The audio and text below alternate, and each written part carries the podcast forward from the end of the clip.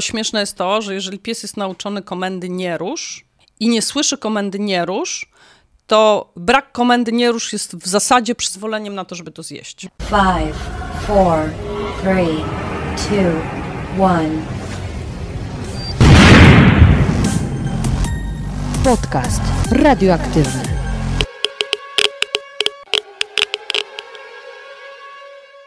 Dzień dobry, dzień dobry. Witam Cię w kolejnym odcinku podcastu radioaktywnego. Na samym początku chciałabym podzielić się z Wami wiadomością, która niezwykle mnie cieszy, a mianowicie od zeszłego tygodnia możecie już słuchać mojego podcastu poprzez Spotify. Brawo, brawo, brawo! Tak, Spotify wreszcie dodało więcej podcastów, w tym również mój, do swojej bazy, dlatego aby cieszyć się nagraniami rozmowami z moimi gośćmi, już nie potrzebujecie żadnej specjalnej aplikacji, wystarczy Wam Spotify.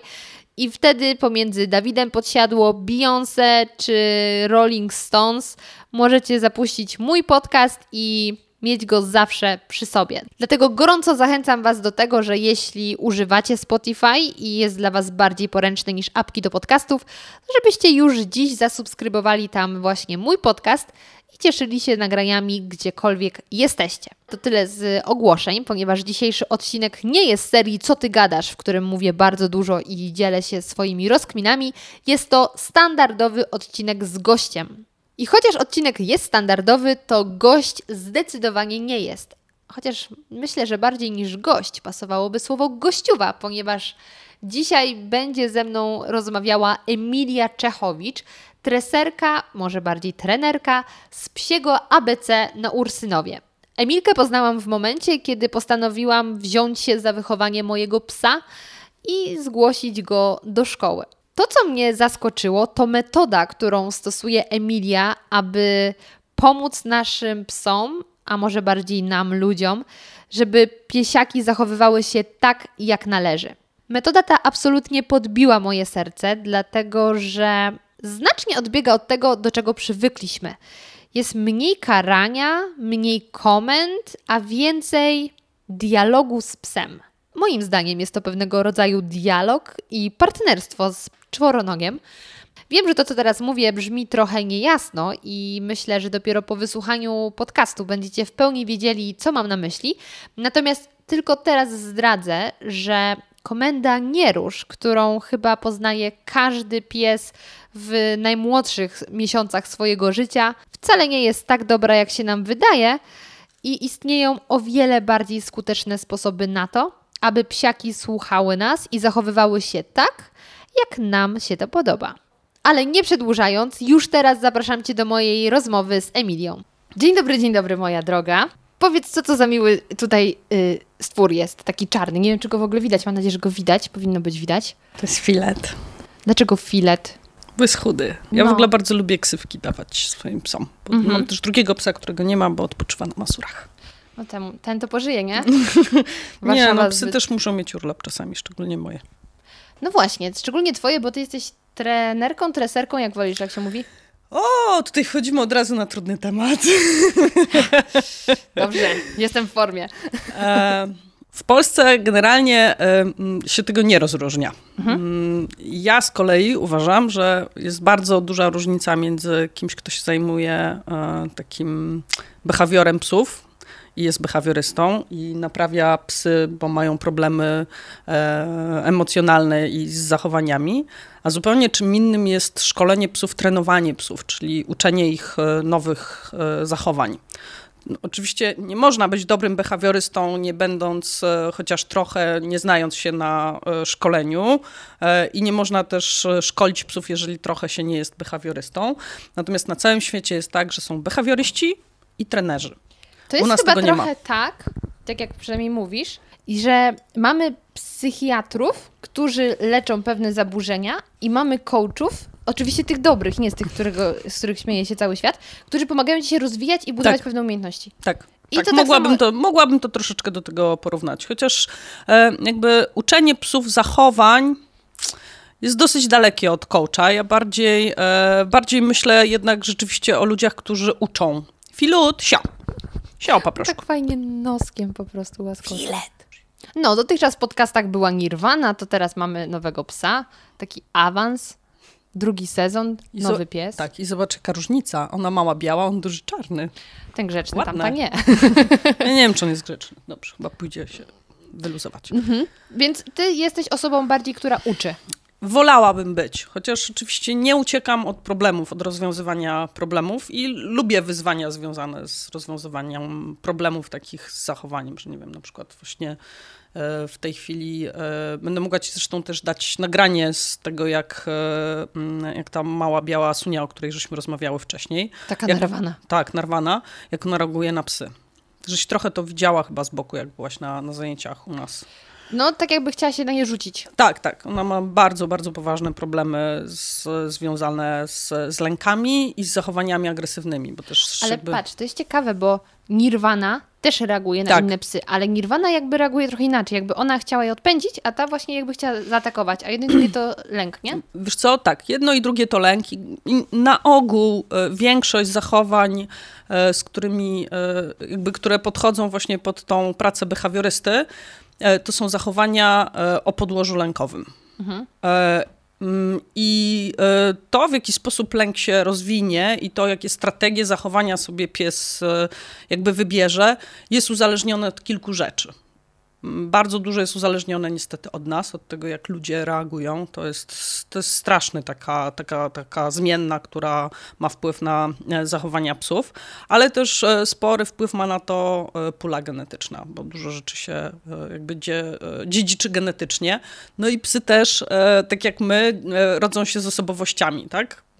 Jak sobie pomyślisz o ludziach, no to nie wiem, jest jeden człowiek, który się boi i taki człowiek, nie wiem, będzie uciekał, będzie unikał kontaktu e, albo, nie wiem, wyzwań, a z kolei są tacy ludzie, którzy jak się boją, to wręcz się e, mm, Skaczą. Skaczą, tak. Nie wiem, na przykład taki dresiarz, tak? On na ogół, jeżeli, jeżeli się zachowuje agresywnie, to e, podłożem jest strach, ale ma zupełnie inną strategię zachowania niż ktoś, ktoś kto, kto nie jest dresiarzem.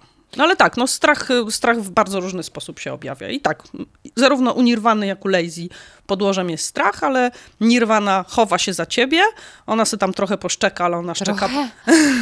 Kurczę. ale ona szczeka po to, żeby zwiększyć dystans. E, Lazy w zasadzie też szczeka po to, żeby zwiększyć dystans, bo ja ją kiedyś, e, kiedyś, no tam kilka dni temu puściłam z, ze swoimi psami, dlatego mówię zresztą, że ciężko pracują.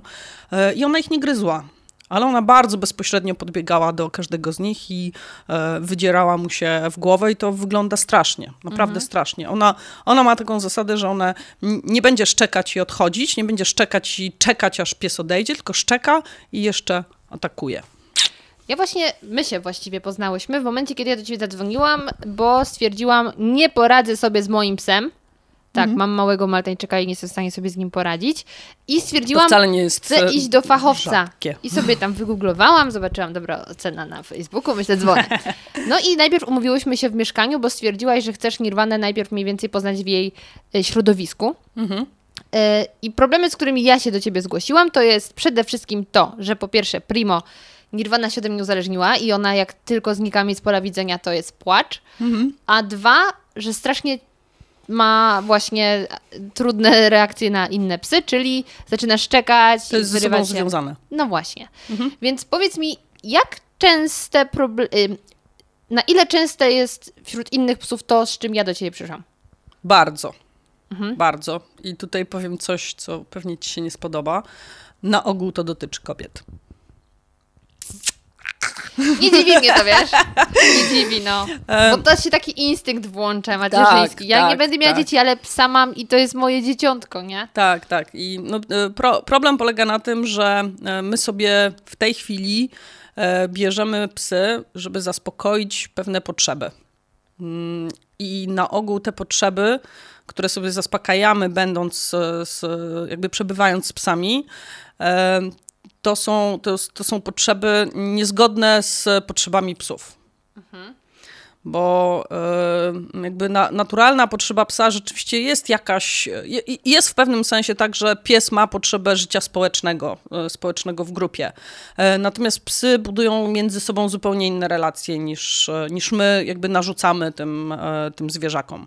E, podstawową potrzebą psa jest e, eksploracja środowiska, e, bo kiedyś taki pies, no bo tak, masz małego białego maltańczyka i jesteś święcie przekonana, że masz małą, puchatą, słodką maskotkę. Sunkę, maskotkę.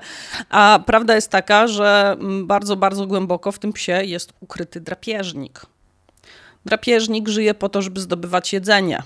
Mm, psy w naturze żyją w taki sposób, że mają terytorium, muszą to terytorium gdzieś tam e, sobie obchodzić i sprawdzać e, i, i troszczyć się też o grupę społeczną, w której funkcjonują, ale grupa społeczna, w której funkcjonują, e, jakby ta, ta, tą troskę się okazuje w taki sposób, że się, nie wiem, no, zdobywa razem pokarm, konsumuje się ten pokarm. Rzeczywiście jest trochę czasu, którą psy, które psy poświęcają na wspólną tam higienę, wiskanie wspólne, ale pieski się nie, nie przytulają. Hmm, zasadniczo. Jak piesek się przytula z drugim pieskiem, to to raczej jest początek e, niezłej awantury. Mhm.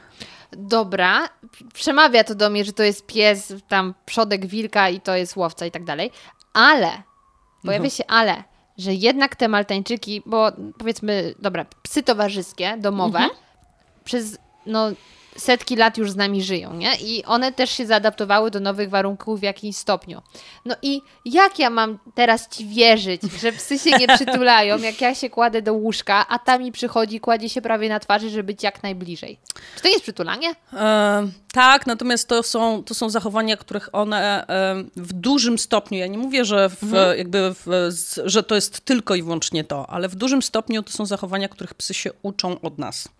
Ja też mam niezwykłego przytulaka, ten czarny pies, którego żeście widzieli, to, e, to, to jest przytulający się bardzo pies. E, o, widzisz, wywołałaś go. Wywołałam wilka z lasu.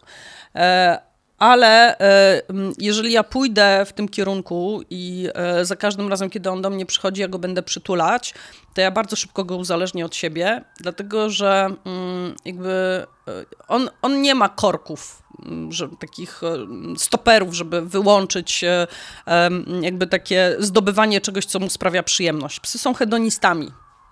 I jeżeli coś im sprawia przyjemność, to one będą to robić, robić, robić, robić, robić, po to, żeby to zdobywać i żeby mieć z tego przyjemność. Mhm. Przyjemność dla psa jest bardzo taką ważną, ważnym elementem e, życia. E, I e, no nie ma przyczyny, dla której on, on miałby nie poszukiwać cały czas e, drogi do tej przyjemności. A, a to, nawet w ludzkim świecie, jest prosta do uzależnień. I to jest, i to jest dokładnie. I to jest dokładnie to samo.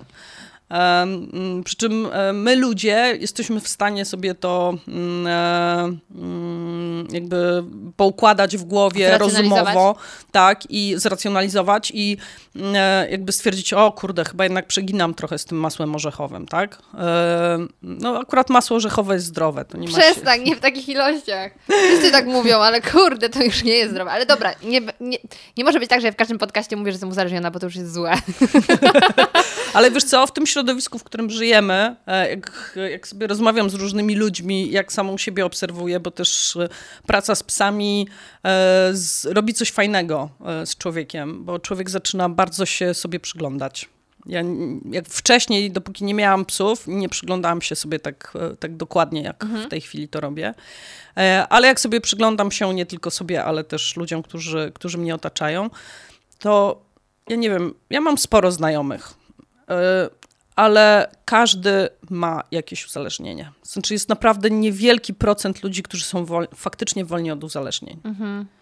Dlatego, że to w jakim środowisku my w tej chwili żyjemy, też jest dla nas nienaturalne. I tutaj też znowu wracamy do tematu tego, co, że do czego, na Mazurach. Tak, do czego, do czego psy zostały stworzone, a jak żyją, e, to znaczy do czego zostały stworzone najpierw przez naturę, a potem w jakiś tam sposób genetycznie dobierane przez ludzi, bo zaczęłaś mówiąc o, o Nirwanie, zaczęłaś też, też troszkę zahaczyłaś o temat tego, że przecież przez tyle lat to był pies towarzyszący, pies ostrzegający e, i, e, i to ma wpływ. Tak, ma wpływ. Geny, e, geny nie woda, tak? To, to, co siedzi w genach, to na pewno tak czy inaczej wyjdzie i z psa, i z człowieka ale bez względu na to, do czego e, genetycznie e, ludzie dobierali przez e, dziesiątki, setki lat psy, to się ma nijak do tego, co w tej chwili, jakby w jaki sposób w tej chwili żyją psy. I tak samo jest z ludźmi. My nie jesteśmy stworzeni do życia w tej cywilizacji, w której żyjemy. Tak, a sami o sobie właściwie sprawiliśmy i to jest tak. fenomen. I jeszcze tak. teraz ta wielce to nazwijmy górnolotnie sztuczna inteligencja, ale to też jest znowu, tworzymy coś, co wcale nie będzie nam służyć na dłuższą metę, ale mm. brniemy w to. Znaczy jestem święcie przekonana, że to nas zniszczy. No, kwestia czasu. Tak. Bo albo nas zniszczy, y, tak jak w filmach science fiction, gdzie widzimy, jak roboty do nas strzelają, albo po prostu zniszczymy się psychicznie. Mhm. Bo jak będziemy... Oglądałaś na Netflixie Czarne Lustro? Boże, ostatnio popełniłam ten błąd, słuchaj, włączyłam, bo zarzekałam się, nie obejrzę, bo ja i tak mam złe mniemanie o tym, co się dzieje. I włączyłam i obejrzałam dwa odcinki przed snem i później miałam kompilację tego w nocy. Nie spałam. Gdzie poznałaś tą metodę? Um, Skrajnie czasami kontrowersyjną w stosunku do tego, co dotychczas wiemy. To prawda, wiele ludzi nie, nie rozumie, jak zaczynam z nimi rozmawiać i mówię, nie, nie uczymy komendy nie rusz. To jest takie, ale jak to? To prawda. Znaczy, wszystko zaczęło się od tego, że zaczęłam zgłębiać wiedzę na temat szkolenia psów zgodnie z tym e, trendem, który jest e, cały czas obecny e, w Polsce. I e, dopóki pracowałam z białym pieskiem, duża szkoda, że go nie ma, to, to wszystko się układało bardzo ładnie i było fajnie. I, e, bo to jest dosyć, e, dosyć taki łatwy w szkoleniu pies. Nie jest jakoś strasznie szybki, nie jakiś nadpobudliwy. On sam w sobie miał po prostu zen. I dopóki pracowałam z kudłatym, to było wszystko ok. Natomiast w którymś momencie pojawił się ten mały czarny piesek, filecik. jako szczeniak, filecik, flat coated retriever. E, o tym, jakie są flaty, pewnie jeszcze troszkę pogadamy. I nagle się okazało, że to wszystko przestało działać. Mhm. Nagle się okazało, że mm, mm, ja się nie będę ciebie słuchał. Chrupek? No dobra, mogę zjeść chrupka. Ale ja mam wrócić, jak widzę tam, nie wiem, ptaszki, które latają. Mm, mm. e, no i zaczęłam szukać dalej. I to, co mi w Polsce proponowali, jak on miał jeszcze 6 miesięcy. A teraz ma ile? Dwa lata. Mhm. Mm, jak miał 6 miesięcy, to poszłam na kurs instruktorski. Jest taki sport, który się nazywa obedience, to jest posłuszeństwo sportowe, no bo stwierdziłam, że okej, okay, to muszę pójść półkę wyżej, muszę poszukać może w sporcie rozwiązań. No i to, co mi proponowano z nim, niestety zwiększało tylko jego frustrację, zwiększało reaktywność i e, w którymś momencie zapaliło mi się czerwone światełko, jak on mm, po prostu zaczął mnie gryźć stwierdziłam, dobra, trzeba poszukać czegoś innego. Ja wtedy już byłam troszkę na tropie tego, tej drogi, na której w tej chwili jestem, bo zanim wzięłam szczeniaka kolejnego, to oczywiście postanowiłam się przygotować i gdzieś w internecie trafiłam na, e, na taką kobietę, która się nazywa Susan Garrett. To jest Kanadyjka kobieta, która mm, wielokrotnie z wieloma psami, to jest dosyć kluczowe, że ona to zrobiła wiele razy i nie z jednym psem, tylko z kolejnymi zwierzętami, które, e, które wychowywała. Zdobyła Mistrzostwo Świata w agility, to jest kolejny sport psi. Mm, I ona mm, jakiś czas temu zaczęła, to jest w ogóle kobieta, która jest mistrzynią, jeżeli chodzi o tworzenie kursów online'owych. Zresztą ona też tam gdzieś opowiadała, jak, jak doszło do tego, że ona te kursy online'owe zaczęła publikować. E, I jeden z pierwszych kursów online'owych, które ona stworzyła, to, jest, e, to było Papi Pix. Czyli taki kurs, na którym pokazywała, w jaki sposób przygotowuje te swoje szczeniaki do szkolenia sportowego. I ona tam ma udokumentowane e, tydzień po tygodniu szkolenie chyba trzech szczeniaków. Mhm. Więc to jest nieprawdopodobny materiał do, do obserwacji, do uczenia się. E, I zanim filet się pojawił, ja sobie to tam zaczęłam e, oglądać i zgłębiać. To czekaj, czekaj, czekaj. To, to był pies przed filetem? Jakiś inny? Nie. Bo ty mówisz, że w pewnym momencie zaczął cię gryźć i wtedy zaczęłaś Tak, tak, dlatego, że nie, to nie było tak, że ja stwierdziłam, dobra, to ja idę tylko tą drogą. Tak? Oglądałam tak, ale... sobie papipiksy, oglądałam to, A, oglądałam. czyli ty o tej metodzie już słyszałaś, zanim Tak, był filet, a tak. później dopiero był bodziec, jak zaczął cię gryźć, Natomiast że może tak, natomiast, natomiast y, to było takie, wiesz, oglądanie, no dobra, o, fajne ćwiczenie, ćwiczenie jedno, drugie, natomiast nie spojrzałam na to z góry jak na jedną metodę. I e, zaczęłam to robić dopiero właśnie e, e, po pół roku. I nagle zobaczyłam, jak zaczęłam e, patrzeć na, na to z góry, to nagle się okazało, że to jest całość. Że to jest obrazek, który ma wszystkie kawałki. A wcześniej, e, kiedy patrzyłam sobie na, kiedy próbowałam szkolić e, i jednego i drugiego psa mm, według tego, co, e, co mi proponowano, co mi proponowali w Polsce, to to było tak, że tu był kawałek, ale ten kawałek nie pasował do innego kawałka. Jakby ćwiczenia wykluczały się bardzo często i metoda nie była całością. To może powiedz, jak mniej więcej wygląda takie szkolenie, mm, to podstawowe. Dobra, e, to powiem, po, powiem może tej- od, od, tej- Mhm. od tej strony. E, To jest tak, że mm, to, co pr- proponuje Susan Garrett, u podstaw jest zbudowane tak, że uczymy psa podejmowania prawidłowych decyzji. Mhm. I uczymy to w dużej części, szczególnie z młodym psem, poprzez e, bardzo poważną kontrolę środowiska, w którym ten pies wzrasta. Dlatego, że to, czego zwierzę nauczy się, jak jest bardzo młode, Podobnie jak człowiek. podobnie jak człowiek, potem e, staje się oczywistością. Wobec tego, jeżeli małego szczeniaka nauczymy, że kiedy próbuje zjeść e, chrupek z ziemi, e, to ten chrupek znika, to dla psa to jest strategia, która nie działa. Próba jedzenia chrupka z ziemi. Wobec tego przestaje próbować jeść chrupki z ziemi. W jakim sensie znika? Że my zabieramy. Tak, Okej. tak. E, I oczywiście, jeżeli pies widzi tego chrupka i podejmuje decyzję, nie będę go jeść, bo to bez sensu, to trzeba go nagrodzić za to. I na początku nagradzamy, mówimy, o, ale jesteś super, i go nagradzamy e, e, z ręki. Potem kolejnym krokiem jest to, i to bardzo szybko wprowadzany jest taki krok, że my mówimy, dobra, fajnie, że zrezygnowałeś, możesz zjeść. W taki sposób pies uczy się podejmowania prawidłowych decyzji, a nie reagowania na komendy. U młodych psów to idzie bardzo szybko, u starszych psów no, rzeczywiście zmiana nawyków musi potrwać.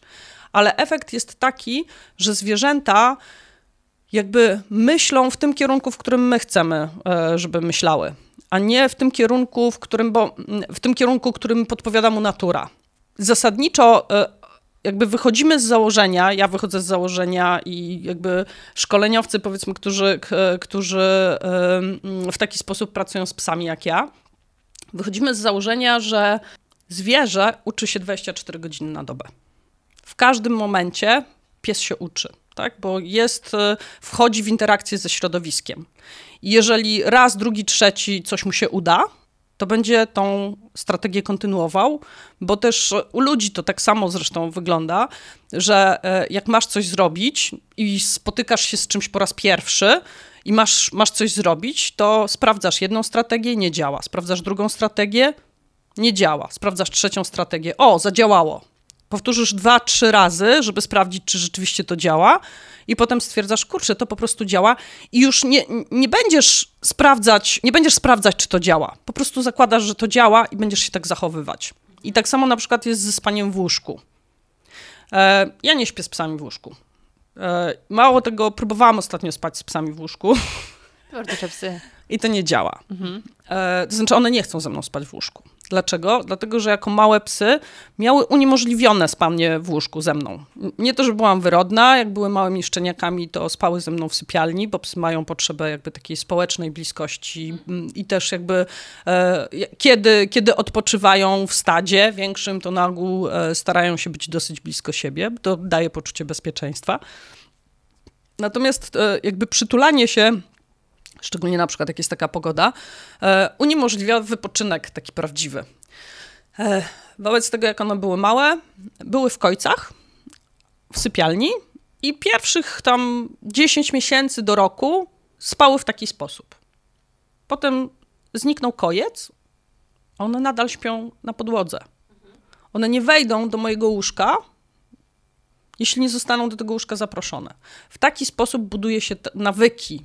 I tak jak mówię, ostatnio próbowałam, e, było mi smutno wieczorem, e, mój Piotrek wyjechał, e, kudłatego nie ma i mówię, filet, chodź, przytulimy się. No tam wszedł na łóżko, przytulił się. Już tak przysypiałam, przysypiałam. Jak przysypiałam, to poczułam, że pa, pa, pa, pa, pa. I zszedł. To jest nawyk. No właśnie, bo powiedziałaś o tym przykładzie ze zjadaniem z ziemi lub właściwie nie zjadaniem. Mhm. I to jest y, ta kompletnie inna filozofia Tak. niż przy komendzie nie rusz, o której wcześniej wspomniałaś, Mhm. kiedy ym, musimy powiedzieć psu, tego masz nie ruszyć, ale kiedy nas nie ma, no to jak nie ma komendy nie rusz, no to zjem. A tutaj jeśli nie ma komendy możesz zjeść, no to nie zje. Mhm. I pamiętam właśnie, jak powiedziałaś mi, jak to działa i dla mnie to było takie, jakie to jest mądre. No. Przecież to Ma- tak powinno Mało działać. tego, śmieszne jest to, że jeżeli pies jest nauczony komendy nie rusz i nie słyszy komendy nie rusz, to brak komendy nie rusz jest w zasadzie przyzwoleniem na to, żeby to zjeść. No dokładnie. I ja myślę, y, i wtedy tak pomyślałam i teraz tak samo sądzę, że to jest jak z nastolatkami właśnie, że jeśli powiesz, nie możesz tego zrobić, no to nastolatek stwierdzi, teraz nie zrobię, ale jak cię nie będzie, to zrobię od razu. Natomiast jeśli y, tak się go nakierunkuje, że on sam dojdzie niby do wniosku, że nie powinien tego robić, to tego nie zrobi. I to jest dokładnie to samo jak z psami i to mi się super podoba. A wiesz, co jest jeszcze e, zaszyte w tym wszystkim? Jaka jest dodatkowa magia tego wszystkiego? E, Bo powiedziałam ci, że drugim krokiem jest to, że jeżeli pies zrezygnuje z tego chrupka, to możesz mu powiedzieć, okej, zjedz. I uwaga, możliwość zjedzenia tego jest niewyobrażalną nagrodą za rezygnację. I rezygnacja zaczyna mieć wartość e, możliwości zjedzenia. To jest, mm, to Premak zdaje się wymyślił i z tego korzystamy. I to jest ko- kolejna rzecz, którą, e, o której lubię, lubię mówić. Ta metoda, którą pracuję, jest oparta na nauce i na praktyce. E, ludzi, którzy e, jakby mają nieporównywalne do, e, do mnie doświadczenie w szkoleniu psów. E, Ostatnio oglądałam wykład takiego faceta, który się nazywa Bob Bailey. E, To jest starszy gość, e, który e, pracuje w takiej, pracuje albo pracował, musiałabym to sprawdzić, e, w takiej firmie, która się nazywała ABA Entertainment. I to była pierwsza firma, która zaczęła e, komercyjnie szkolić psy i zwierzęta w ogóle do trudnych zadań. I to były lata, zdaje się, 50. To jest mniej więcej ta sama, e, ta sama drużyna, e, która, ja nie wiem, czy słyszała o takiej książce, najpierw wytresuj kurczaka. Nie. Ale brzmi dobrze. Znaczy każdy, każdy, e, każdy kto się zajmuje szkoleniem, szkoleniem psów, słyszał o tej książce. Jeśli nie przeczytał, to znaczy, że jest kiepskim szkoleniowcem. To są ludzie, którzy wymyślili kliker.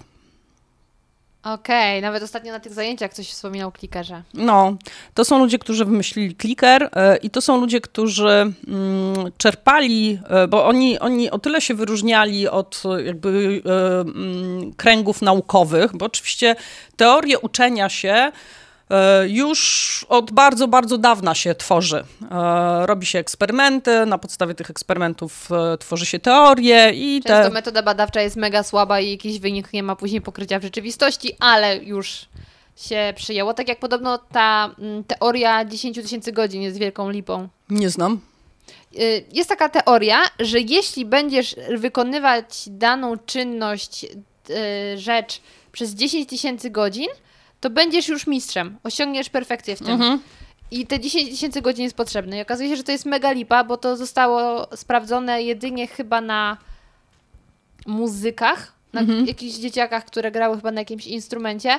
I nie dość, że była bardzo specyficzna grupa, to jeszcze mega mała grupa e, badawcza.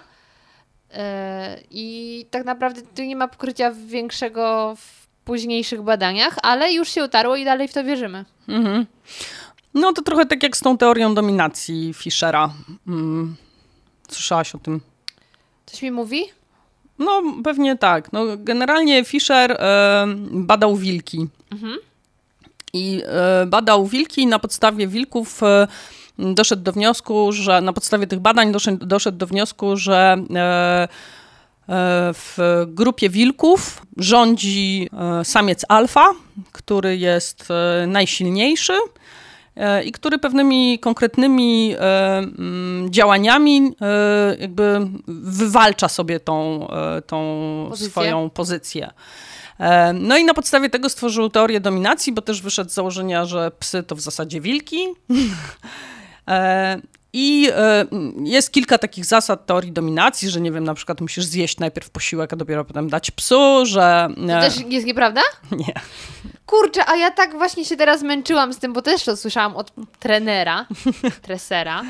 I tak się zastanawiam, kurde, no ale ten pies jest głodny, a ja jeszcze nie jestem, no dam mu jeść, no ale nie powinnam pierwsza. No dziękuję, widzisz? Kolejny mit. E, że na przykład, nie wiem, trzeba przechodzić pierwszemu przez drzwi. E, bo, to słyszałam. Tak, bo... E, znaczy ja, ja oczywiście lubię uczyć swoje psy tego, że mają e, czekać przed drzwiami e, i to ja decyduję o tym, czy one przechodzą przez drzwi, ale u nas to jest jakby, ma zupełnie inne podłoże. U nas podłoże jest takie, że po pierwsze ja lubię móc kontrolować środowisko za drzwiami, bo zanim puszczę psy przez drzwi, chcę, żeby było tam bezpiecznie. Więc e, staram się uczyć tego, że jak są otwarte drzwi, to nie znaczy, że trzeba przez nie przejść. I to fajnie działa, bo to też już w tej chwili e, byłam u koleżanki, która ma dom i podwórko. e, No i tam była otwarta brama i moje psy przez tą bramę nie przeszły. Dopóki ja nie podeszłam i nie powiedziałam, że okej, możecie przejść. Ale to jest kwestia bezpieczeństwa. Druga rzecz, którą, której psy się uczą dzięki temu u mnie, to jest nauka kontrolowania zachowań impulsywnych, bo my się mimo wszystko troszkę różnimy od psów. Rzeczywiście cała teoria uczenia się super się sprawdza na psach, bardzo, bardzo, tylko też trzeba e, jakby wiedzieć, w jaki sposób tą teorię e, przekuwać w praktykę. To wcale nie jest proste. Mm, Więc e, owszem, to działa, natomiast my mamy, my się bardzo różnimy od psów pod kilkoma względami. Dajesz. Po pierwsze, mamy zupełnie inaczej skonstruowane zmysły. A tak, to powiedziałaś mi. Tak. To teraz e, możesz przytoczyć tą historię. Znaczy tak, mamy inny wzrok, inaczej działają nasze oczy, inaczej działają nasze uszy. E, I tutaj jeszcze, jeszcze można by pewnie gdzieś tam mm, w tych różnicach nie dogrzebywać się aż takich e, problemów, które obserwujemy u psów, problemowych zachowań. Chociaż tak naprawdę to, że pies nie widzi kolorów, tak jak my, one, one widzą mniejszą ilość kolorów. Ale widzą, bo też się przyjęło, że widzą czarno-biało. E, nie, one widzą niebieski i zdaje się... E, Powiedz, że różowy, że mój nie. pies widzi moje włosy. Nie, nie. Kurczę. E, wydaje mi się, że zielony, zielony, z tego co pamiętam. Niebieski na pewno, natomiast co do tego To musi zielonego... być brzydko, niebieski i zielony tylko? Nie, nie zielony, żółty. O, A. nie, zielony jest szary, to prawda. E, to jest raz. Dwa, psy widzą niewyraźnie. Mm, mają bardzo, bardzo mm, mm, jakby e, nie do końca e, do, łatwy do znalezienia punkt ostrości. Bo też Dlatego nie krzywią się na nasz widok rano. Super, to wiele No, wyjaśnia. Dlatego, kocha, dlatego kochamy psy. Tak. Zawsze cieszą się, nieważne jak wyglądasz. Nieważne jak wyglądasz, tak. Em, ale z kolei mają e, wzrok, który jest bardzo wrażliwy na, na ruch. Mają inaczej zbudowaną tutaj e, oko w środku. E, Mają horyzontalnie z, ułożone czopki, które odpowiedzia, odpo, są odpowiedzialne za e, wyłapywanie ruchu. To jest oczywiście potrzebne do polowania. Tak? Horyzont jest taki i na horyzoncie się poruszają zwierzaczki. Z tego, m, jakby natura sama to wymyśliła tak dobrze, że, że on musi ten, ten ruch widzieć dobrze. Jednocześnie są nastawione również mózgi na reakcję na ten ruch. To dlatego owczarki mają problem z bieganiem za e, samochodami, za rowerzystami, tak za małymi pieskami. Tak, to jest zachowanie impulsywne. One, to nie jest tak, że e, pies widzi, nie wiem, e, uciekającego małego białego pieska. Mówię o owczarku oczywiście. E, I się zastanawia, mm, pogonię ją albo nie. To jest impuls, to jest odruch. Po prostu pogonię. Tak jest. E, e, Nie, to, to nawet nie jest po prostu pogonie. On to widzi i to nie trafia do kory mózgowej, która jest odpowiedzialna za analizę tego, co on widzi. To przechodzi przez móżdżek, który jest... Gadzi. Tak, e, gadzi mózg, który jest połączony z rdzeniem kręgowym i on zaczyna biec zupełnie niezależnie od Czyli swojej tak woli. jak mamy świeczkę, dajesz rękę, to nie zastanawiasz się, mm, pali mnie czy mnie nie pali, tylko od razu zabierasz. Tak jest. Jak ci Okej. dmuchnę w oko, to zamkniesz oko. Tak. No to, to jest tak, to jest, Okej. to jest zachowanie impulsywne. I u, na przykład u owczarków da się to zwalczyć, czy nie ma opcji? Tak, właśnie dlatego mówię o, te, o tych drzwiach, bo żeśmy wyszło od drzwi. Dlaczego... Mhm. Dobrze, że trzymasz Teoria wątek. dominacji. Mówiłam ci, że jestem mistrzem dygresji, Ja nie też. wierzyłaś. A No, nie, nie wierzyłeś, że ja też. To się dobrałyśmy.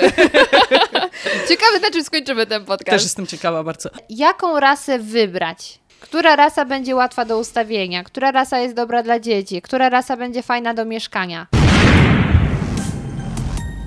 Podcast radioaktywny.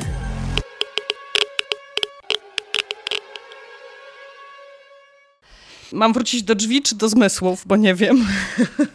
Zmysły został nam tylko jeszcze jeden, że one mają słabszy wzrok, chyba że na ruch mają mocniejszy, ale mają Zajebisty węch. pęk. To znaczy nie, wyobraż... nie, nie, jest, nie jesteśmy w stanie sobie wyobrazić tego świata, który czują psy. I chyba całe szczęście, bo coś czuję, że to nie są fajne zapachy. E, Ja myślę, że to jest trochę też tak, że tak jak nasz mózg jest e, stworzony do tego, żeby pewne bodźce środowiskowe odcinać, tak e, psy, niektóre mają to lepiej zrobione, wykształcone, a lepiej, a niektóre gorzej. Myślę, że też muszą sobie odcinać częściowo to, te bodźce węchowe. Jeżeli nie potrafią odcinać bodźców węchowych, bo na przykład są źle socjalizowane, albo są genetycznie w taki sposób e, jakby prowadzone przez e, hodowców i tutaj na przykład wyżły są w tym e, bardzo takie, no mają największy problem z tym. Wyżły, bigle, jamniki, To są psy, któ- które były zawsze dobierane pod kątem, jak były jeszcze psami myśliwych, a nie psami do towarzystwa ludzi. E, To one genetycznie były dobierane w taki sposób, że musiały mieć super węch. No i taki pies nie będzie sobie odcinał tych bodźców węchowych. A żeby teraz tak e, unaocznić to troszkę, to powiem kilka słów na temat tego, jak działa węch u psów. Nie jestem w tym specem, Magda jest w tym dobra, więc jeżeli będziesz chciała sobie o węszeniu zrobić podcast, to myślę, że Magda spoko, spoko będzie zainteresowana rozmową z tobą. coś. Wywęszycie coś razem. E, Ale z węchem, e, z węchem jest taki numer, że tak, po pierwsze, mm, no, e, psi mózg jest dużo mniejszy od naszego mózgu. Dużo, dużo, dużo mniejszy. My mamy mózg mniej więcej wielkości pięści, a psy mają jakiś taki mózg. Na nagraniu widać. Ci, co słuchają, nie widzą, możecie wejść na YouTube'a i zobaczyć, jaki mamy mózg. E, I tak jak u nas w tym większym mózgu, ta część mózgu, która jest e, odpowiedzialna za analizę e, e, doznań, że tak powiem, węchowych, jest wielkości znaczka pocztowego. To u psa, u którego mózg jest dużo mniejszy, ta przestrzeń, gdyby ją rozłożyć i rozprasować żelazkiem, byłaby wielkości kartki A4. Boże, jak ja im współczuję. Mało tego, jest jeszcze, jeszcze coś gorszego. My, jak wchodzimy do, do pomieszczenia i coś śmierdzi, to po jakimś czasie przestajemy to czuć.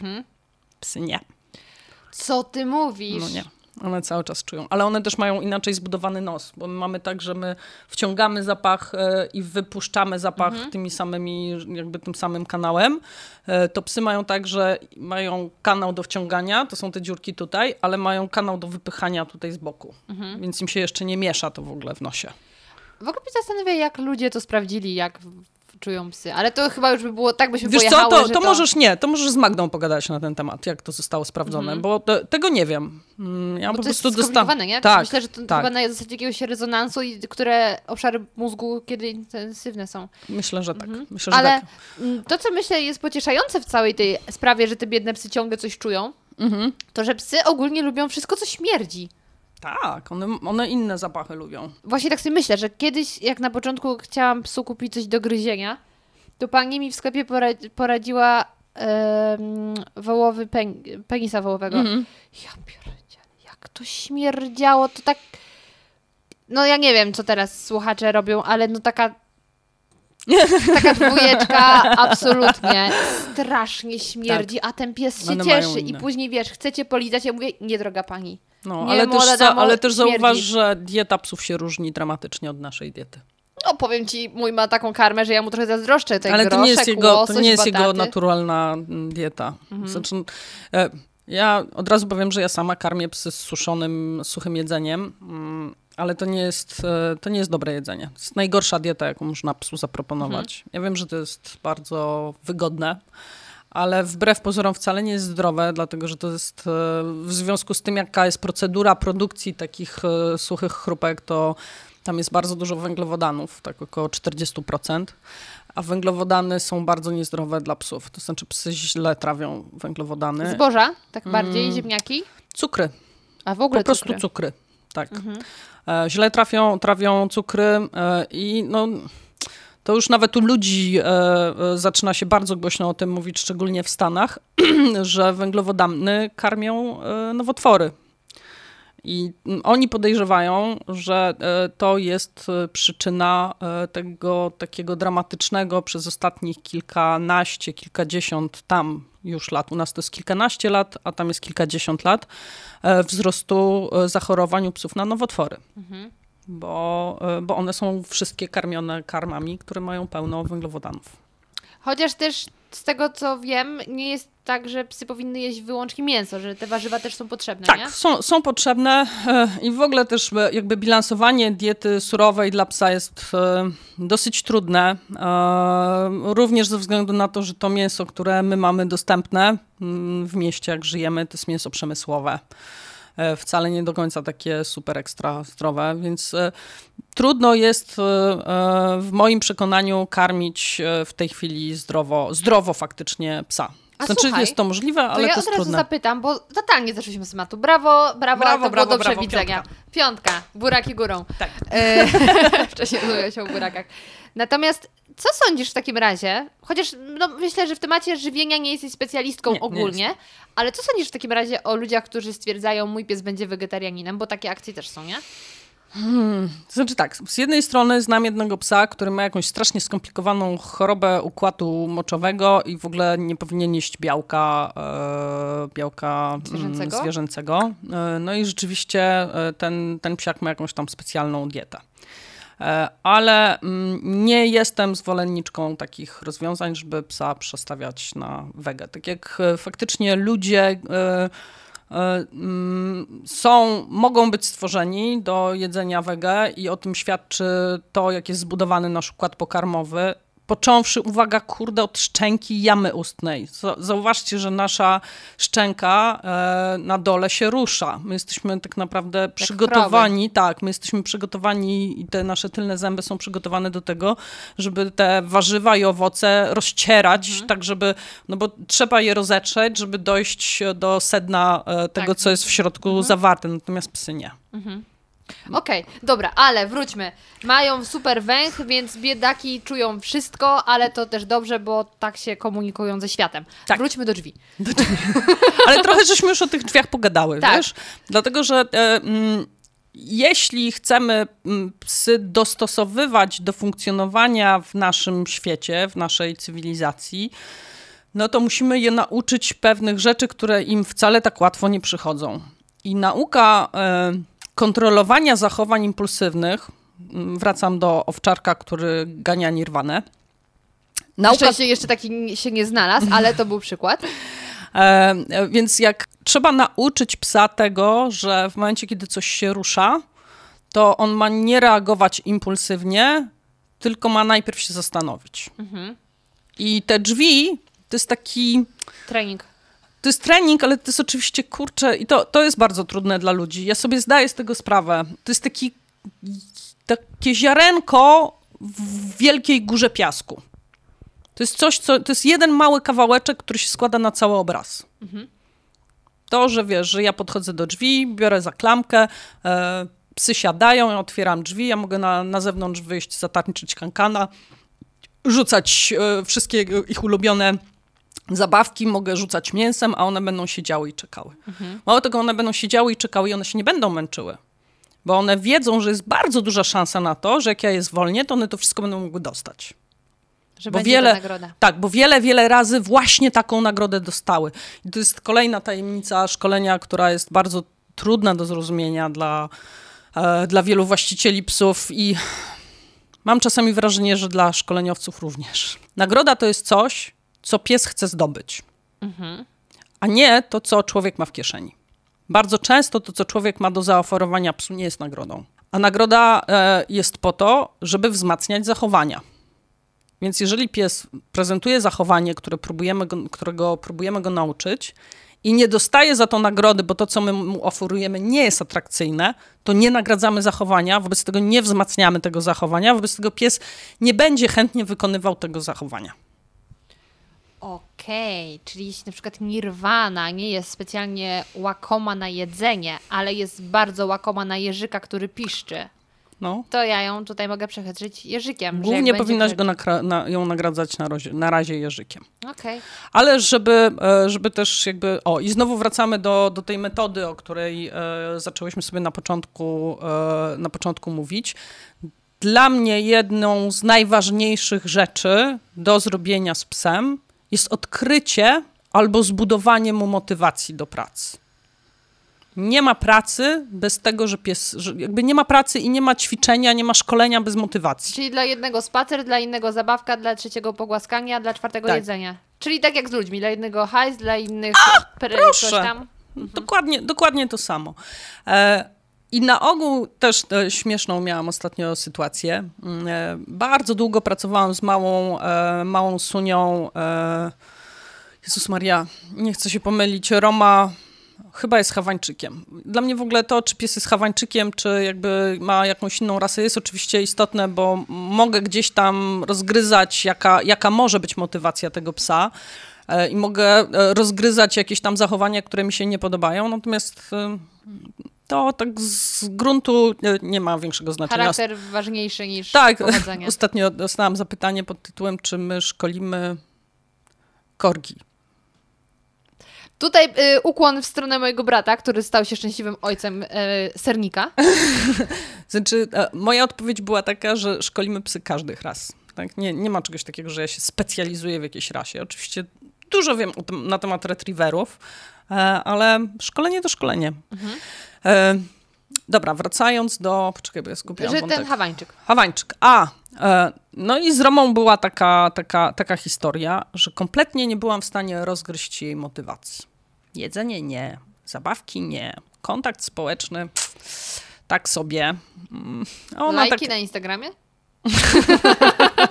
Jezu, nie umiem obsługiwać Instagrama. No co ty? Straszne to jest. To jest Nie. najprostsze narzędzie, jakie istnieje. W ogóle nie wiem, czym on się do końca różni od Facebooka. Ja jestem za zdjęcia. stara. Ja wiem, ja jestem za stara na takie rzeczy. E, No dobra, w każdym razie wracamy, wracamy do Romy. Bardzo długo żeśmy z właścicielką Romy szukały e, motywacji psa. Przełomowe były spotkanie, było spotkanie chyba jakieś dwa tygodnie temu, gdzie w końcu udało mi się wytłumaczyć i pokazać, bo to, że ja coś tam komuś tłumaczę, to nie znaczy, że ten ktoś to od razu rozumie. Mm, I to też jest jakby część mojej pracy, żeby to, e, żeby to wiedzieć.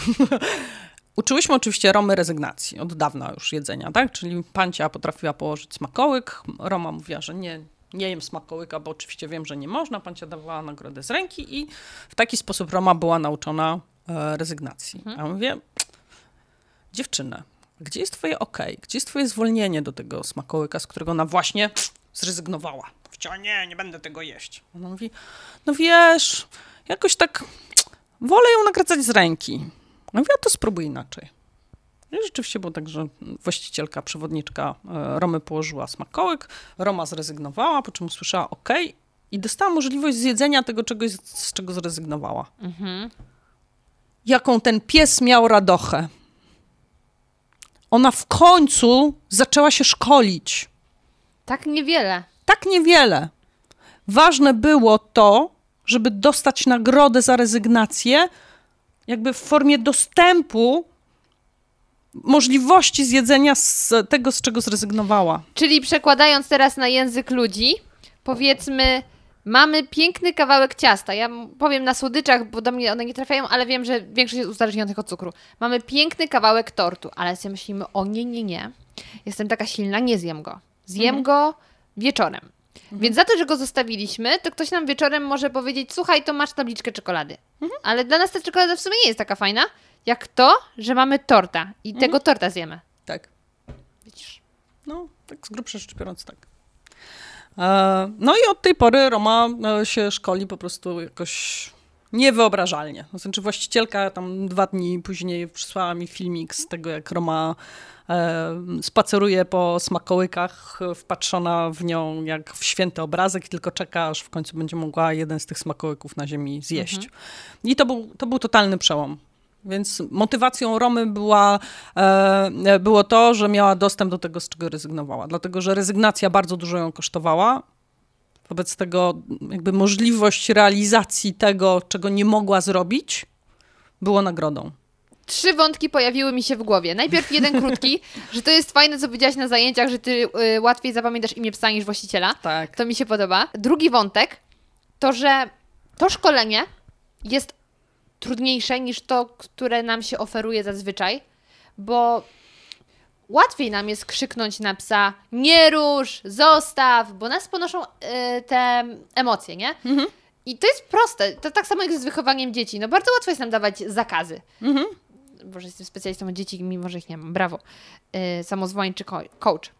Natomiast tutaj już musimy się pokłonić nad tym psem, i podejść do niego ze spokojem i dać mu naszą em, cierpliwość. A my Tak. z cierpliwością mamy ogromny problem, Tak. więc to jest trudny trening. I trzecia myśl, ty bardziej, to jest właściwie pytanie, szkolisz psy czy właścicieli? Mm, Właścicieli to jest bardzo, bardzo trudne. Znaczy, dużo łatwiej e, przychodzi mi szkolenie psów. E, to jest jedna, jedna z rzeczy, których bardzo zresztą unikam, dlatego na placu e, Jest właściciel z psem. jest właściciel z psem, mm, ale też na placu jest mój pies. Dlatego, że mm, wcześniej, kiedy tego nie praktykowałam, rozbijałam się o taki mur, taki mur, o, ja tak nigdy nie, nie będę umiał. Dlatego, że jak e, podchodziłam do właściciela i mówiłam, zobacz, to ja ci teraz pokażę, jak to zrobić ze swoim, z twoim psem. Ja nawiązywałam kontakt z jego psem w ułamku sekundy. Boże, no Nirvana jak cię ostatnio zobaczyła, to dostała takiej głupawki, że ja nigdy tego nie widziałam, żeby aż tyle skakała. Już wiesz, że jesteś ciocią od smakołyków. Tak, e, ale widzisz, to też jest bardzo, bardzo ciekawe, że e, bardzo szybko psy zaczynają robić sobie to, znowu e, trenerskie pojęcie, e, bardzo szybko zaczynają sobie robić transport. I my tego nie ludzie tego nie potrafią wykorzystać, czyli zaczynają kojarzyć człowieka z nagrodą. Wobec tego, uwaga, sam człowiek może być, Być nagrodą. nagrodą. Tak? Więc dążymy, dążymy gdzieś daleko do takiego świata, gdzie nie będziemy cały czas dawać psu kolejnych chrupków, czy tam, wiesz, kolejnych zabaweczek, tylko e, dążymy do takiej sytuacji, w której e, dla psa po prostu praca z człowiekiem jest super fajną nagrodą samą w sobie. To jest tak naprawdę gdzieś tam na samej górze mój, mój cel e, szkoleniowy. No ale wracając do tych ludzi i tego, że muszę szkolić, muszę, że chcę, że szkolę ich, a nie, a nie, a nie psy. E, Dlatego, że jak ja e, podchodziłam do mm, człowieka z psem, nawiązywałam z nim szybko kontakt, z tym psem oczywiście, e, bardzo szybko udawało mi się uzyskiwać zachowanie i było takie, o, ja nigdy tak ze swoim psem nie będę potrafił. Ten pies się nigdy mnie nie będzie słuchał, on się będzie słuchał tylko ciebie. Więc ja w tej chwili już bardzo, bardzo unikam takich sytuacji, tylko w ostateczności się do tego po, e, posuwam. E, dlatego, że ja chcę, żeby ludzie nauczyli się szkolić swoje psy, bo ja ich psy jestem w stanie wyszkolić. Myślę, że bardzo, bardzo, bardzo szybko.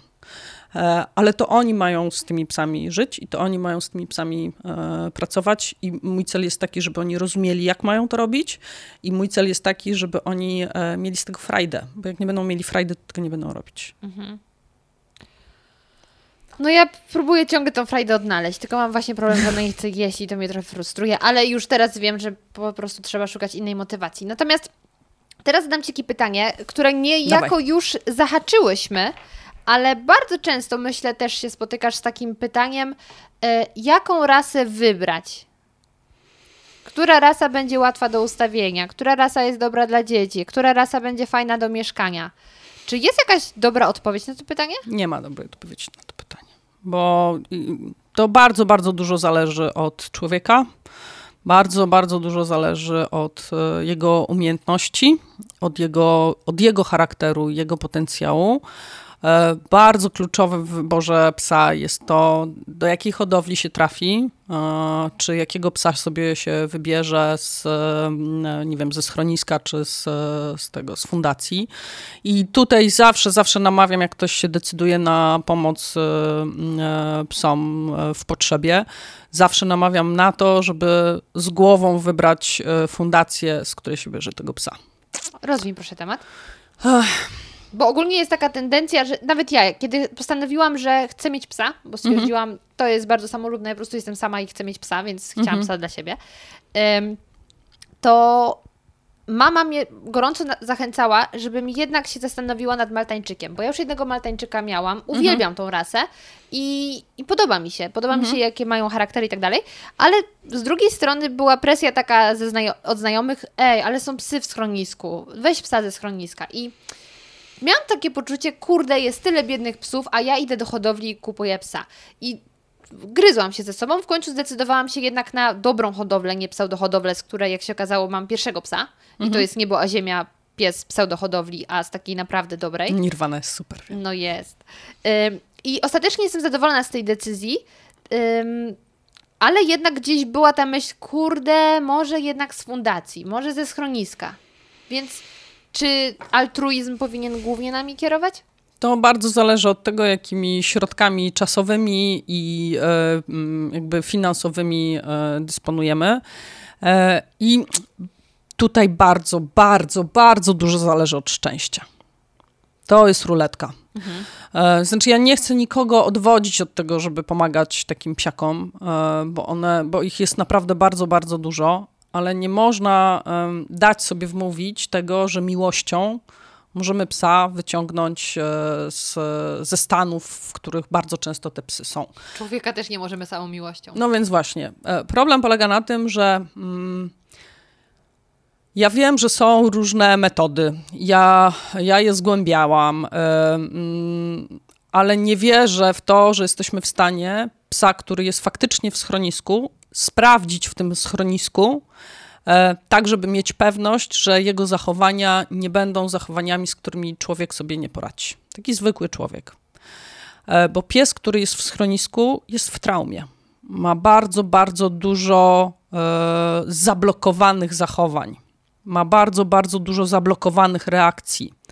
Trzeba sobie zdać sprawę z tego, jakie są warunki w schronisku. Tam jest wieczny jazgot. Jeżeli mamy psa, który się boi innych psów, to taki pies oczywiście może od razu pokazać, że jest agresywny. Mhm. I będziemy, e, będziemy widzieć psa, który się rzuca po końcu i nie wiem, tam gryzie psy z boku. E, ale może też być tak, że pies, który e, boi się innych psów, będzie siedział w najciemniejszej, najciemniejszej dziurze w, w boksie, albo będzie leżał na boku, miałam taką jedną sunię, będzie leżał na boku i będzie wyglądał jakby był totalnie od tego odcięty. No zen. Nie, to nie jest zen. To jest totalne zablokowanie e, jakby mm, przyjmowania bodźców z zewnątrz, bo inaczej ten pies by nie przetrwał. To jest sposób na przetrwanie. Takie wyłączenie się. Wyłączenie się, mhm. tak. No, u ludzi tak naprawdę doświadczenia traumatyczne potrafią dokładnie tak samo zadziałać. Tak. tak? Jak przerasta cię, e, ja miałam raz w życiu taki incydent, jak przerasta cię to, co, to, co doświadczasz, po prostu przestajesz rejestrować. Jest totalne odcięcie. Ja nikomu nie życzę tego przeżycia, e, no ale e, jak jest pies w takim stanie, to zwykły człowiek i bardzo często też e, niestety wielu behawiorystów nie potrafi tego ocenić. Mhm. Więc psy w schroniskach są w bardzo, bardzo dużej, dużej traumie i hmm, branie takiego psa ze schroniska do domu z dzieckiem może się oczywiście skończyć ogromną przyjaźnią między tym dzieckiem i psem, jeżeli będziecie mieć e, e, no, szczęście. szczęście. Ale jeżeli będziecie mieć pecha, to za dwa dni będziecie e, stali przed straszną decyzją o tym, że trzeba go na przykład trzeba oddać psa, znowu. Trzeba psa oddać do tego schroniska, dlatego, że pies jest agresywny w stosunku do dziecka. I, I, nie ma czegoś takiego, że tego psa się będzie kochać i on przestanie być agresywny w stosunku do dziecka. To jest ogromnie ciężka praca. Praca z, z, zachowaniami agresywnymi w domu, w stosunku do domowników jest trudna, czasochłonna, wymaga cierpliwości. No, w rodzinie, w której, e, nie wiem, mama i tata pracują po 10 godzin, e, dziecko chodzi do szkoły, e, nikt nie ma czasu na takie rzeczy. Ludzie nie mają przestrzeni na to, żeby, żeby to zrobić, a przede wszystkim nie mają wiedzy miałam ostatnio taki telefon. I to, to, to, czego doświadcza taka matka, która wzięła psa ze schroniska, e, który miał być przecież wielkim przyjacielem dla, e, dla dziecka, nagle stwierdza, że ten przyjaciel e, jest realnym zagrożeniem bezpieczeństwa, nie mówię, że życia, ale bezpieczeństwa tego, tego dziecka, stoi przed decyzją o tym, że trzeba oddać, a jest tak dramatyczny brak przyzwolenia społecznego na tą decyzję, że ona potrzebuje mojego wsparcia. Ona potrzebuje mojego powiedzenia tak, najważniejsze jest bezpieczeństwo twojego dziecka, a nie to, że jakby ten psiak, który oczywiście jest ważną istotą, która czuje, ale twoje dziecko jest najważniejsze. I e... dlatego tak myślę sobie i to na przykład ja e, teraz jak rozliczam podatek, to ten 1% przekazuję na fundację, która zajmuje się kastracją zwierząt. Mhm. Bo tak sobie myślę, że kurde, jakbym się starała, ja świata nie poprawię, nie mhm. polepszę, ale wiele problemów wynika stąd, że te zwierzęta się rozmnażają. I po pierwsze, y, wydaje mi się, że taka kastracja, sterylizacja trochę pomaga, że nie będzie tych szczeniąt więcej. To jest bardzo złożony temat. No, Znowu wchodzimy myślę, na bardzo, bardzo złożony temat. Myślę, ja nie wiem, czy chcesz na ten temat gadać. Myślę, że nie starczy nam czasu też. Ale druga rzecz, która mnie najbardziej boli, to kiedy ludzie tak bez sensu rozmnażają te zwierzęta. Tak, tak. Oczywiście to, to mnie... jest w ogóle straszne. To bo ktoś chce mieć hodowlę. No, no to super. No. Ale może jednak nie. No ale znowu, złożony temat. Ale żebyśmy nie zagłębiali się. Mhm. Bo, bo naprawdę jeszcze parę rzeczy chciałam zapytać, a i tak wszystkiego nie ugryziemy. Nie ugryziemy. Ym, to y, jest tak wychillowany. Kolejna rzecz, ym, którą chciałam zapytać, jakbyś teraz mogła w takim bardzo dużym skrócie, bo ja myślę, że dla wielu ta metoda, o której dzisiaj y, słuchacze słyszą, widzą, jak rozmawiamy, jest zupełnym zaskoczeniem. Takim. Tak. Ej, tyle lat się mówiło, że jest nie rusz i co nagle jest, że, że, że okej, okay, że możesz nie, wziąć? Nie, nie, nie, o, fajnie, że o to pytasz. Kurczę, super, bo jakby moi koledzy tego posłuchali bez tego, bez tej gwiazdki, którą teraz, e, teraz dodam, to, e, to, to trochę bez sensu rzeczywiście e, by było. To, że staram się, bardzo, bardzo się staram, szkolić psy, mm, nagradzając dobre decyzje, to uwaga nie oznacza, że ja się godzę na zachowanie psa, które jest złe. Mhm, tak. Tylko, że ja troszeczkę inaczej na to reaguję. Ja, mm, dla mnie to, że pies robi coś, czego ja nie chcę, mm, to jest oczywiście pie pierwsza rzecz, którą robię, to przerywam zachowanie. Tylko i tutaj, tutaj właśnie jest ta, ten, ten punkt, w którym bardzo, bardzo muszę pracować nad sobą i wiem, że ludzie też mają z tym problem. E, ja po prostu staram się przerywać zachowanie. Nic więcej za tym nie idzie. Nie ma awersji, nie ma kary. To pytanie, jak przerwać? Wziąć za obroże i przerwać. Po prostu uniemożliwić zrobienie. Mhm. Tak? Um, I to jest też dla mnie informacja, mamy coś do przepracowania. Muszę psa nauczyć podejmowania w tym momencie innej decyzji. Także e, pozytywny, szkolenie pozytywne, które, którym się param, to nie jest szkolenie e, z przyzwoleniem mhm. na robienie tego, co pies chce. Tym bardziej, że jest... dochodzimy do tego inną drogą. Tak. tym bardziej, tym bardziej że wiele zachowań, które psy jakby prezentują, są dla nas niepoprawne. To my uważamy, że zjadanie jedzenia z blatu jest niedobre. Pies uważa, że to jest Genialna sprawa. Upolował. Upolował. Polowanie leży w naturze psa. Więc trzeba go nauczyć innego podejmowania decyzji. Trzeba mu pokazać, że jest inna droga zdobywania e, zasobów, które, e, które go interesują. Mhm. Bo tak naprawdę, jeżeli popatrzymy sobie na tą metodykę, która jest taka dostępna ogólnie i Google też to podpowiada, że pies jak wchodzi na, na blat, to żeby go oduczyć wchodzenia na ten blat, to trzeba mu powiedzieć nie i go z tego blatu zdjąć. I wracamy do nierusz. E, to znaczy, jakby mój pies zaczął wskakiwać na blat, to też bym mu powiedziała nie i zdjęłabym go z blatu. Tylko, że zrobiłabym coś potem. Mhm. E, bo samo mówienie nie i zdejmowanie psa z blatu jeżeli zrobimy to 300 razy, to nie znaczy, że pies tego nie zrobi za 301 razem. Mało tego, im bardziej y, odciągamy psa od czegoś, to żeśmy już dzisiaj mówiły na ten temat, tym bardziej budujemy jego chęć zrobienia tego. E, więc tutaj, tutaj jest bardzo, bardzo ważna gwiazdka. To nie jest tak, że, e, że, że, że pozytywny znaczy przy, przyzwalający. Zdecydowanie, jeżeli pies robi coś, co mi się nie podoba, ja to, ja to przerywam. E, I potem staram się tak kontrolować środowisko przez jakiś czas, dopóki nie nauczę psa innego podejmowania decyzji, żeby on nie mógł się utrwalać w tym zachowaniu. Opowiem obrzydliwą rzecz. Dajesz. Super. E, kilka lat temu, to, to sama zresztą to wykombinowałam, e, e, zanim poznałam metody Susan Garrett. Mój młodszy pies, no, mamy koty i koty generalnie w naszym domu. Które wyglądają jak lwy, naprawdę. Pierwsze koty, które wyglądają jak lwy. I koty w naszym domu były zawsze. I poprzednie, poprzednie koty, podobnie jak te, mają kuwetę w łazience. I kudłaty miał taki incydent, że nagle zaczął zjadać te kupy. Pierwsza rzecz, no to oczywiście nie fe i tam jakieś takie rzeczy, że jak będzie kara za to, że jesz kupy, to przestaniesz jeść kupy. Mhm. To nie działa. Zaczęłam się zastanawiać, dlaczego on je te kupy. To była pierwsza rzecz, którą trzeba było zrobić. Resztki jedzenia w środku? Kup, to znaczy tak, psy z natury są gównojadami. Dlatego, że w kupie... Łosoś im rzeczywiście może nie leżeć. Dlatego, że w kupie jest dużo dobrych rzeczy. W naturze.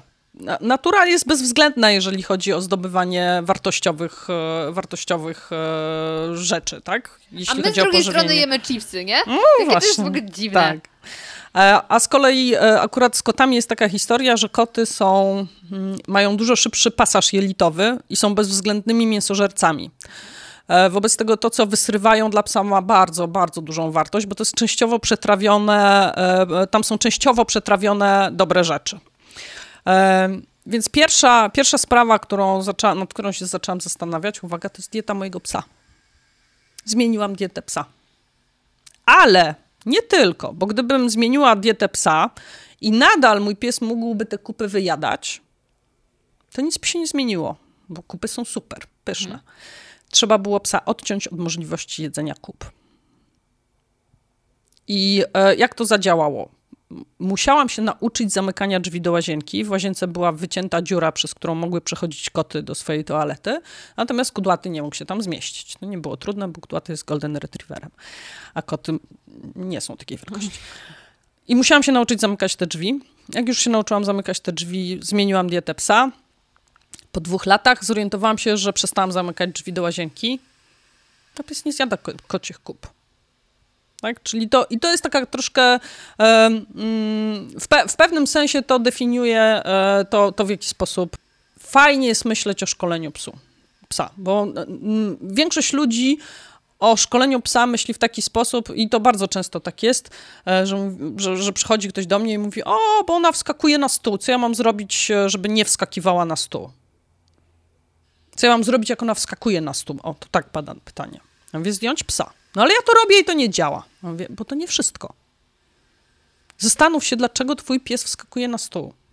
Jeżeli są jakieś nie, niechciane zachowania, trzeba psa odciąć od nagrody, która się za tym kryje. To jest pierwsza rzecz, o której trzeba pomyśleć, a nie o tym, znowu, żeby psa karcić. I to jest znowu no. odniesienie do człowieka. Jeśli sięgasz ciągle po coś, to znaczy, że rekompensujesz sobie coś innego tą tak. rzeczą. Tak. Nie wiem, komputer za, za, yy, zastępuje ci znajomych, bo masz słabe tak. kontakty międzyludzkie, więc siedzisz przed kąpem na przykład, no. nie? No. Dobra, słuchaj, to y, ja myślę, że my kiedyś to powtórzymy, bo znowu temat został liźnięty, ale jakbyś teraz, jak tutaj już ludzie tam są zainspirowani w ogóle całą mhm. metodo, metodyką twoją, mhm. co mogliby zacząć teraz robić? Przyjść do mnie na szkolenie. Nie każdy jest z Warszawy. Wiesz co, przede wszystkim polecam, e, bo e, jakby Susan Garrett nie, nie ma problemu z dzieleniem się wiedzą. Mhm. Jest cała masa jej materiałów w internecie w tej chwili do, dostępnych. E, ona ma potężnego bloga, którego prowadzi od kilkunastu lat i tam na większość pytań można znaleźć odpowiedź. Jeśli kogoś to, jeżeli ktoś się wkręci i będzie miał możliwość również jakby materialną, dlatego że te kursy online'owe są drogie, ale są warte tych pieniędzy. To znaczy, ja tam chyba, e, chyba ze wszystkich kursów w którymś momencie korzystałam już. E, one są piekielnie drogie, ale one są jakby bez porównania do tego, co wcześniej widziałam. Znaczy ja, ja, ja nie miałam dostępu, a, a z kilku e, tych kursów online'owych już korzystałam.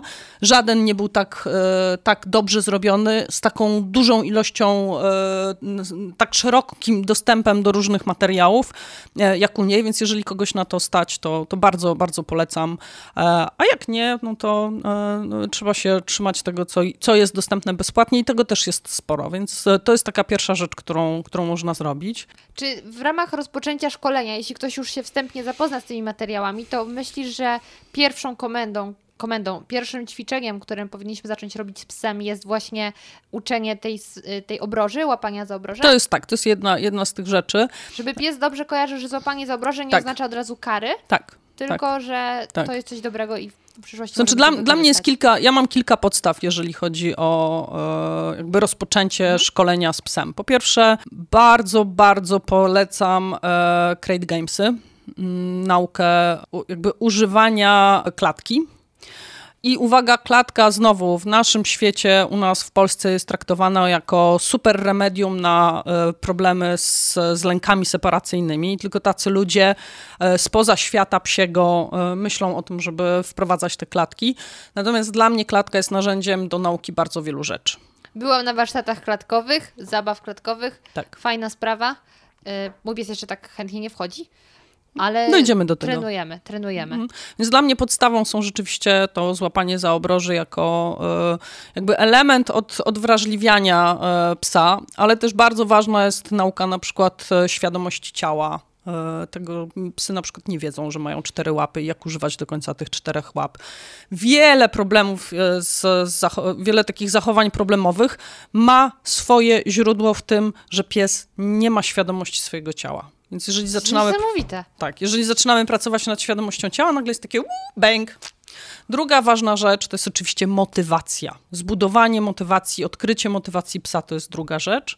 Trzecia rzecz, nauka rezygnacji i nauka, i to już jest bardziej nauka e, uczenie człowieka, nagradzania psa e, po rezygnacji.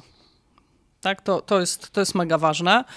E, I e, e, no potem to już tak naprawdę zaczynają być takie szersze, węższe pojęcia, czyli nie wiem, nauka przywołania, czy, czy, czy chodzenia na, na luźnej smyczy. No ale tak, z takich podstaw to chyba, chyba to, to są takie, chyba powiedziałam o wszystkim.